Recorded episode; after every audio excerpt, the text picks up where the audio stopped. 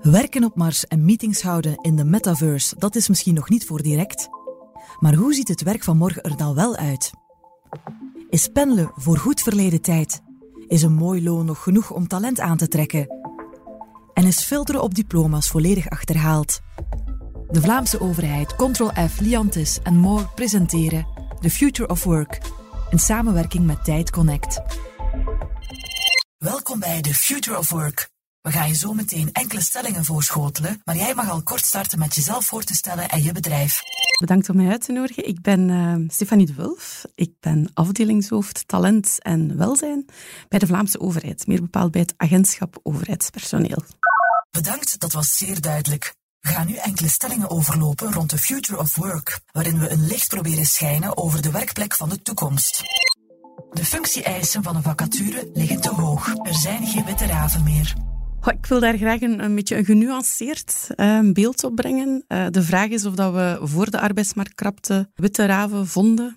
Heb me daar altijd heel veel vragen bij gesteld. Of dat dat ook wenselijk is dat je op zoek gaat naar witte raven. Uh, wat we wel zien, ook binnen de Vlaamse overheid, is dat we toch wel een shift aan het maken zijn. We zijn veel meer aan het inzetten op traineeships, op het werken met stagiairs, die we eigenlijk een stuk in ons talent pipeline steken, die we kunnen aanwerven op termijn, zodat die al eens kennis maken met die grote overheid die toch soms voor veel mensen nog een beetje een, een, een ver van mijn bedshow is. Um, wij zorgen er eigenlijk ook voor dat we ons digitaal leeraanbod heel erg versterken, waardoor dat mensen veel meer on the job gaan leren. Ik denk echt dat dat de way to go is. Um, daarom hebben wij er ook voor gekozen om eigenlijk veel meer te gaan focussen. We zijn daar eigenlijk voor corona al mee gestart, dus dat, dat, is wel fijn om te zien dat dat nu rendeert. Meer inzetten op dat leervermogen, de learnability van mensen, het potentieel dat mensen hebben en dat eigenlijk tot uiting laten komen. Ik geloof echt in de kracht van um, kijken naar het intern potentieel van een organisatie en dat tot bloei laten komen. Um, onze minister van eh, Bestuurszaken, Bart Somers, zegt ook altijd van ja, de mensen zijn eigenlijk ons belangrijkste kapitaal van een organisatie. En we moeten eigenlijk inzetten op die hun groei en op die hun inzetbaarheid, op die hun welzijn, zodat wij eigenlijk ook als overheid heel uh, slagkrachtig en wendbaar kunnen blijven. En dat proberen wij ook in de praktijk te brengen. Eigenlijk is het mijn droom dat iedereen een beetje meer Pipi Langkous-gehalte uh, zou hebben. Uh, met andere woorden, dat mensen veel meer zouden denken van ik heb het nog nooit gedaan, dus ik denk dat ik het wel kan. En dat mensen ook veel sneller misschien de stap naar een ander job of een andere rol of een andere taakinvulling kiezen. Want dan merken we misschien wel dat het soms wel nog een drempel is om jezelf kenbaar te maken dat je graag wil uh, veranderen van rol of job. De krapte op de arbeidsmarkt is een visieuze cirkel waarbij grote werkdruk leidt tot meer uitval. Ik geloof persoonlijk niet dat de krapte op de arbeidsmarkt uh, de oorzaak is van verhoogde werkdruk en bij gevolg dan meer uitval.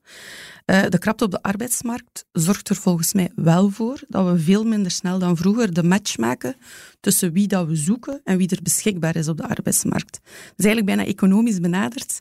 Uw vraag is veel groter dan het aanbod dat er is op de markt, dus moet je andere dingen gaan doen. En dat betekent, je kan niet gelijk in een productieproces een beetje meer inzetbare mensen gaan maken.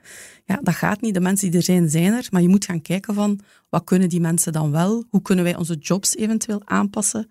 En dergelijke meer.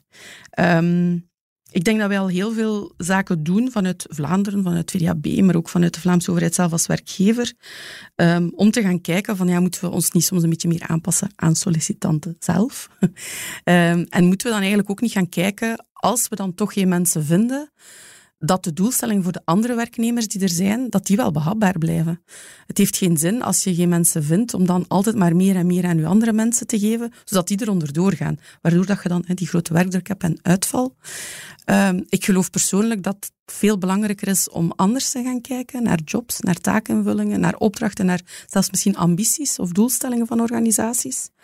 Um, en ook eigenlijk systematisch te werken aan veerkracht van mensen, maar ook van organisaties.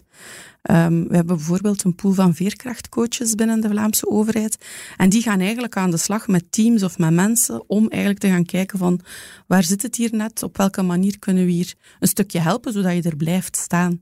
En dat kan betekenen dat mensen dan een stuk van een rol niet meer doen en een ander stukje bijnemen, zodat dat terug meer in evenwicht is. Dus ik geloof niet dat de arbeidsmarktkrapte oorzaak is van werkdruk en uitval. Ik geloof wel dat het één van de factoren kan zijn waar je als organisatie mee geconfronteerd wordt, maar het is aan je organisatie om daar dan mee aan de slag te gaan. Ehm, ik ben zelf ook leidinggevende van een team van 120 mensen. Um, wat ik heel erg zelf op stuur, is het coachen van mensen, maar ook het creëren van een heel open en transparante cultuur. Je merkt ook zeker bij de jongere generatie dat dat een must is. Dat je zaken bespreekbaar moet maken, dat je geen dingen um, geheimzinnig over moet doen, dat dat gewoon mogelijk is. En dat creëert een zekere mate van psychologische veiligheid. En als uw psychologische veiligheid groot genoeg is, dan geloof ik echt heel erg dat je veel minder uitval hebt. Mensen kunnen dan aangeven wat er is, wat er speelt, wat ze graag anders zien. En je leert ook constant van mensen. De mensen die zelf een bepaald proces uitvoeren, die weten zelf vaak ook het beste hoe het kan geoptimaliseerd worden, bijvoorbeeld. Zonder dat het dan tot bepaalde frustraties leidt. En op die manier kun je eigenlijk ook groeien als organisatie. En als leidinggevende in mijn geval. Een lage werkloosheidsgraad leidt automatisch tot een hoge werkzaamheidsgraad. Het is moeilijk om daar een eenduidig uh, antwoord op te geven. Um, het is duidelijk dat er meer mensen aan het werk zijn, ook al mensen die studeren, die, die gaan heel gemakkelijk aan de slag. En dat toont zich ook in een hogere werkzaamheidsgraad dan pakweg vijf jaar geleden.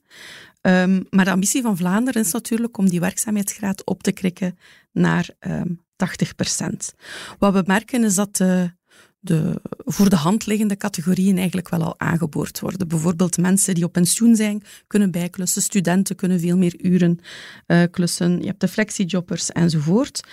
Maar waar ik denk dat er het meest potentieel nog is op onze arbeidsmarkt, zijn de mensen die een grote afstand hebben tot de arbeidsmarkt. Want zo noemt dat dan. Uh, dat zijn bijvoorbeeld mensen met een beperking, mensen met een migratieachtergrond, laaggeschoolde mensen. Dat zijn mensen die per definitie veel moeilijker aan de slag geraken en die waarschijnlijk ook wel een, een, een redelijk aandeel in onze werkloosheidscijfers hebben. Dus het lijkt mij zaak om te gaan kijken van over wie gaat dat hier en veel meer op maat te gaan bekijken wat er mogelijk is. Misschien nog een, een, eh, een, een kanttekening is dat, um, dat er heel veel regionale verschillen zijn. Dus dat dat waarschijnlijk zelfs een uh, aanpak op maat per regio uh, zal vergen, ook in Vlaanderen. Dit was Future of Work, een podcast van Tijd Connect. Voor nog meer diepgang, achtergrond en nieuws rond de toekomst van ons werk, surf naar tijd.be slash future of work.